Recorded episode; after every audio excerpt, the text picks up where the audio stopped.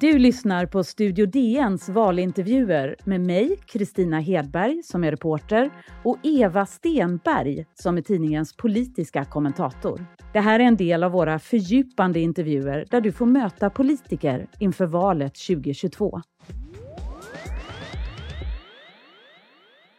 Min hund är en folkpartistisk ja. hund. Ja men han är så smart. så då tänkte jag att han är en sån folkpartihund att han håller på liksom. Överlistar sina ägare redan. Aha. Eh, men det, han är väl folkpartist för att jag är, är folkpartister kända för att vara väldigt smarta? Ja, det tycker jag. Och Liberalerna då? Nej, inte lika smarta men vi jobbar på det. Romina Pourmokhtari är 25 år, uppvuxen i Sundbyberg och ordförande för Liberala ungdomsförbundet sedan 2019. Under hennes ledning har LUF kämpat hårt mot moderpartiets sidbyte i politiken. Romina Pourmokhtari vill stänga ute SD och hålla fast vid en generös migrationspolitik. Ungdomsförbundets ledare kanske till och med skulle kunna kallas för en gammelliberal. Mm. Romina Pourmokhtari, eh, har du något att säga om det där? Gammelliberal, den var ny ändå. Man har ju fått höra många olika varianter på vad man ska kallas.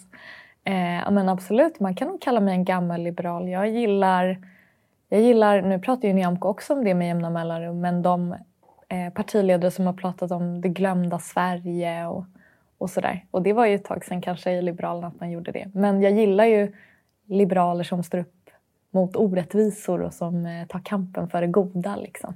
Eh, kanske lite så bleeding heart libertarian kan man väl kalla mig. För vad mm. betyder det att kalla sig liberal i dagens politiska Sverige? Ja, det beror för på vem man frågar. Om man frågar, frågar mig? Nej, men... Eh, jag gillar ju liberalismen ur ett nästan filosofiskt skäl och inte politiskt. Jag tycker det är jätteviktigt med frihet och att människor ska få vara så fria som de kan vara i livet även om vi har samhällen och gränser och allt möjligt som reglerar arbeten man ska gå till och skola man ska sitta och lyssna och lära sig så tycker jag att friheten är liksom ett värde att sträva efter i sig. Ditt eget parti har ju i år nu legat långt under 4 spärren i opinionsmätningarna. Och du har sagt att det här beror på att det är en skakig ideologisk grund i Liberalerna. Kan du förklara, hur ser den här skakiga ideologiska grunden ut? Nej, men jag tror att för Liberalernas del så, det är också många som nämner det i opinionsmätningar, att man tycker att vi vacklar. Att vi är ett vacklande parti. Och det, då kan man ju direkt säga ja, regeringsfrågan. Men det handlar inte bara om regeringsfrågan, det handlar om så mycket mer. Det handlar om att eh, ja, men migrationspolitiken, rättspolitiken, klimatfrågorna. Där det ändå är frågor där man på något sätt måste gå åt ett håll och där jag upplever att mitt parti ofta försöker hålla alla nöjda med resultatet att man är mångas andrahandsval och ingens förstahandsval och ingen som riktigt går att rösta på sen till slut. Så att jag tycker att det är lite... Alltså man kan vara ett mittenparti, man kan vara liberal men det betyder inte att man inte ska vara radikal och inte ska vara tydlig med svar på frågor. Jag brukar ofta försöka svara ja eller nej på olika frågor i sina intervjusammanhang och så för att jag själv kan tycka att det är absurt att lyssna på, på politiker som inte kan svara ja eller nej på frågor. Det är klart det är mer nyanserat än så men då är det ju svårt att förstå. Vad är vi för parti? Vad har vi för ideologisk grund? Och ibland kan jag tycka att den här ideologiska kompassen har snurrat så snabbt att väljarna inte kan hänga med. Vad beror det på då, det här vacklandet? Hur har det blivit så? Ja, det är en bra fråga. Många jag träffar som jag tycker tänker lite fel, om jag får säga så ändå.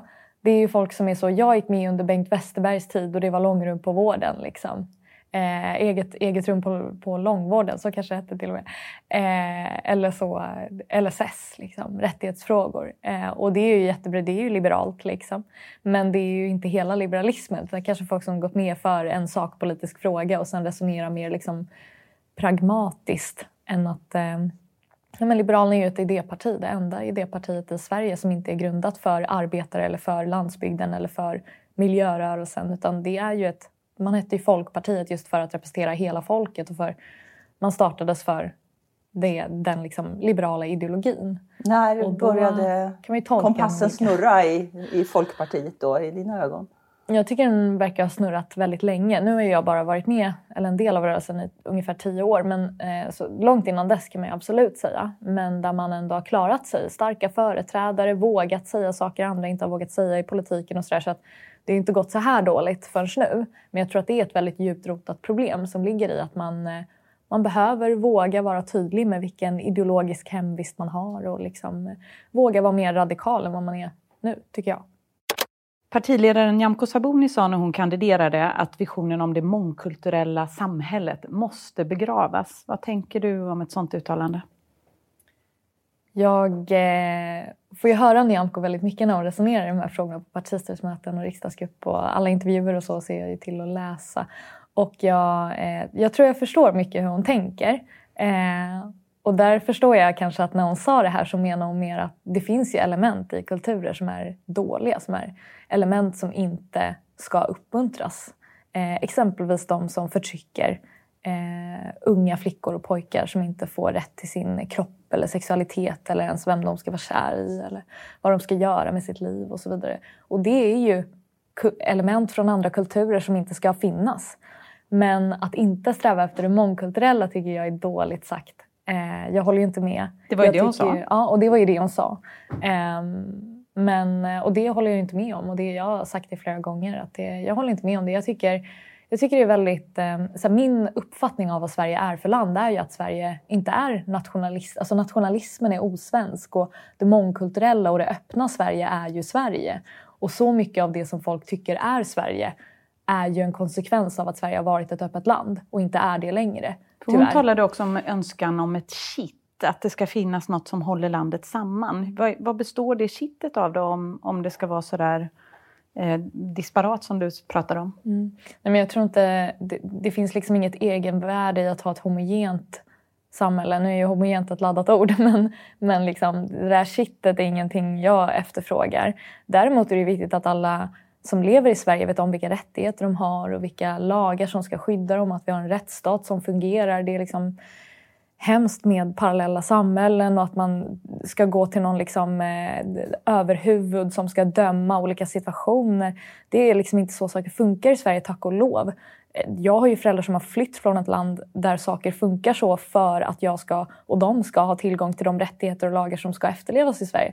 Så jag är enormt mån om att försvara det dem. Har ju, där delar ju du bakgrund med Nyamko Sabuni. Mm. Hur kommer ni till så, Varför vill hon ha ett kitt och du tycker att du vill inte ens ha kittet?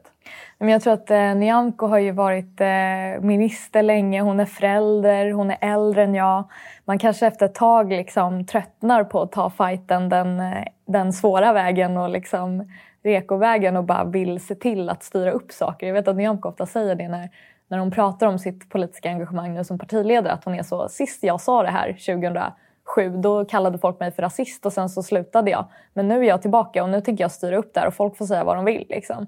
Eh, och den attityden till att så här, nu är jag här för att styra upp saker, den kan jag ändå ha, jag har väldigt mycket respekt för henne som politiker.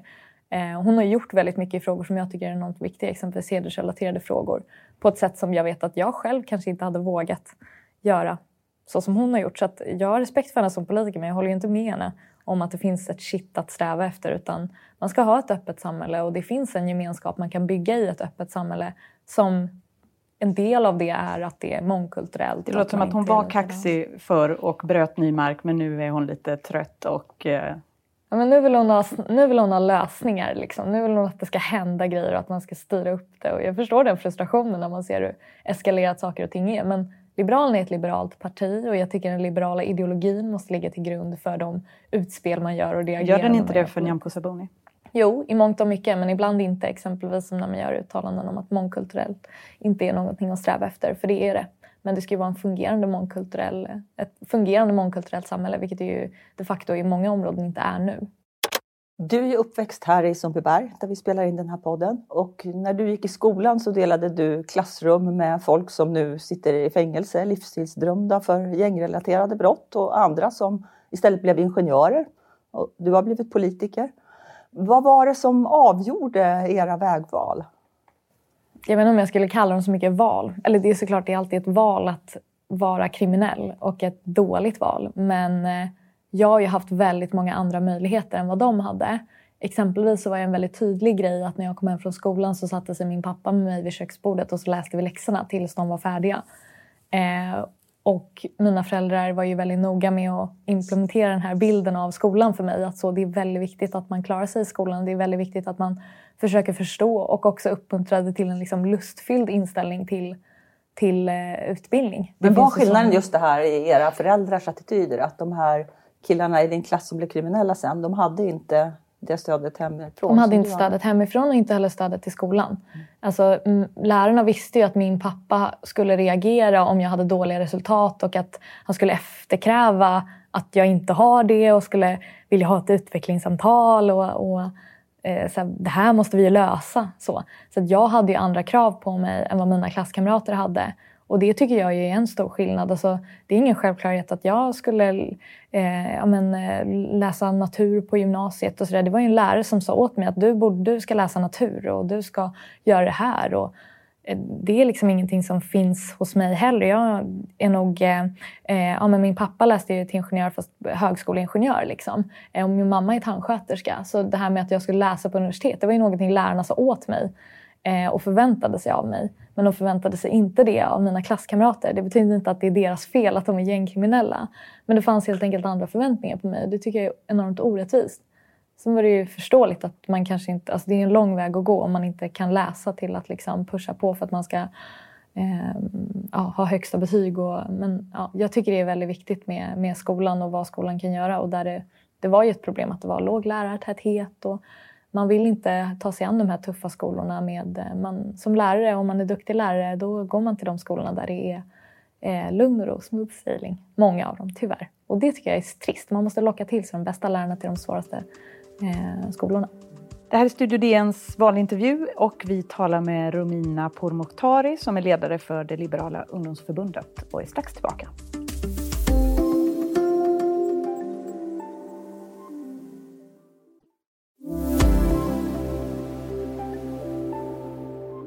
Är vi tillbaka med valintervjun med Liberala ungdomsförbundets ordförande Romina Pourmokhtari.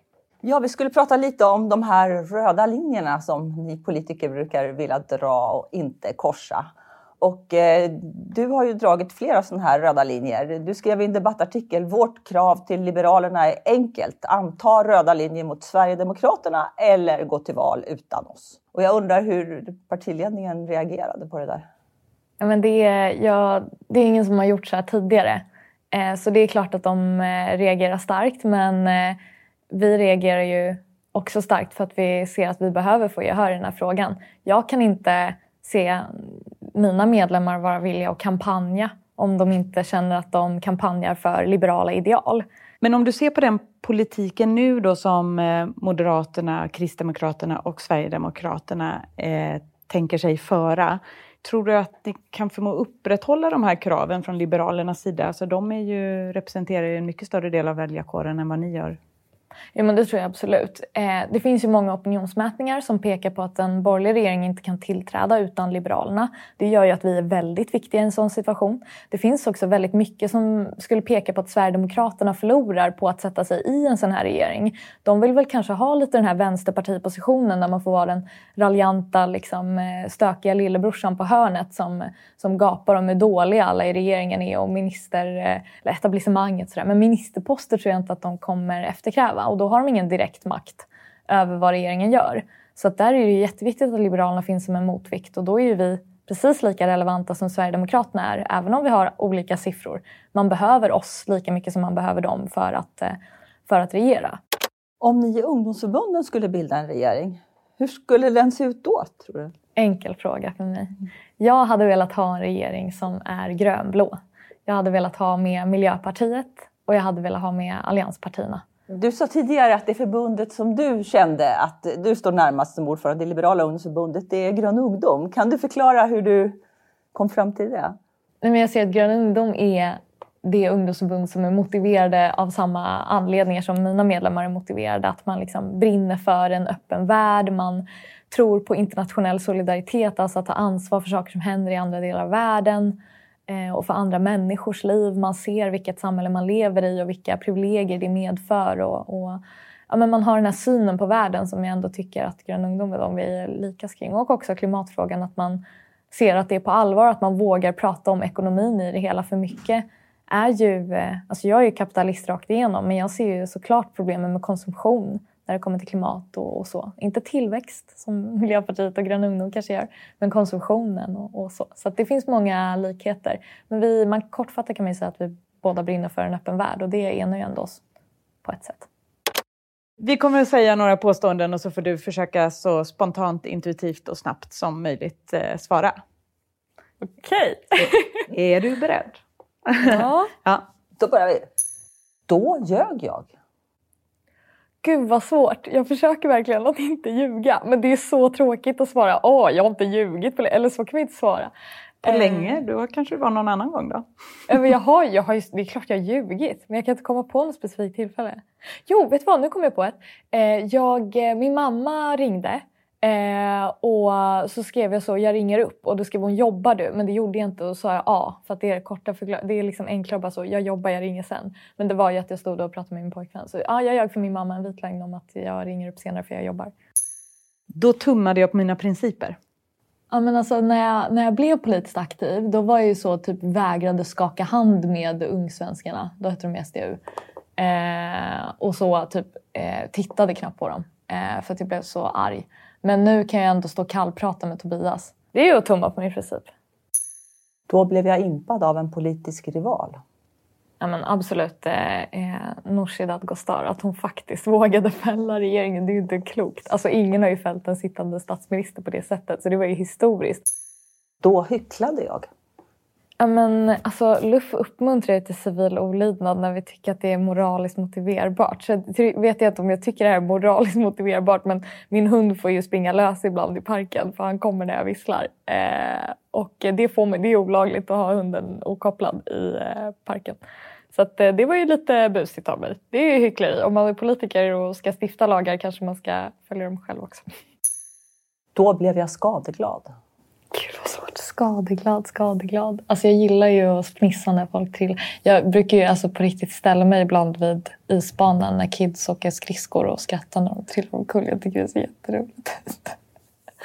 Gud vad hemskt! Ja men det är ju faktiskt sant. Jag brukar göra det. Jag tycker det är jätteroligt när man halkar omkring och reser på sig och håller på och snurrar omkring. Ja, det, det är nog, då var jag skad, det är ju skadeglädje verkligen.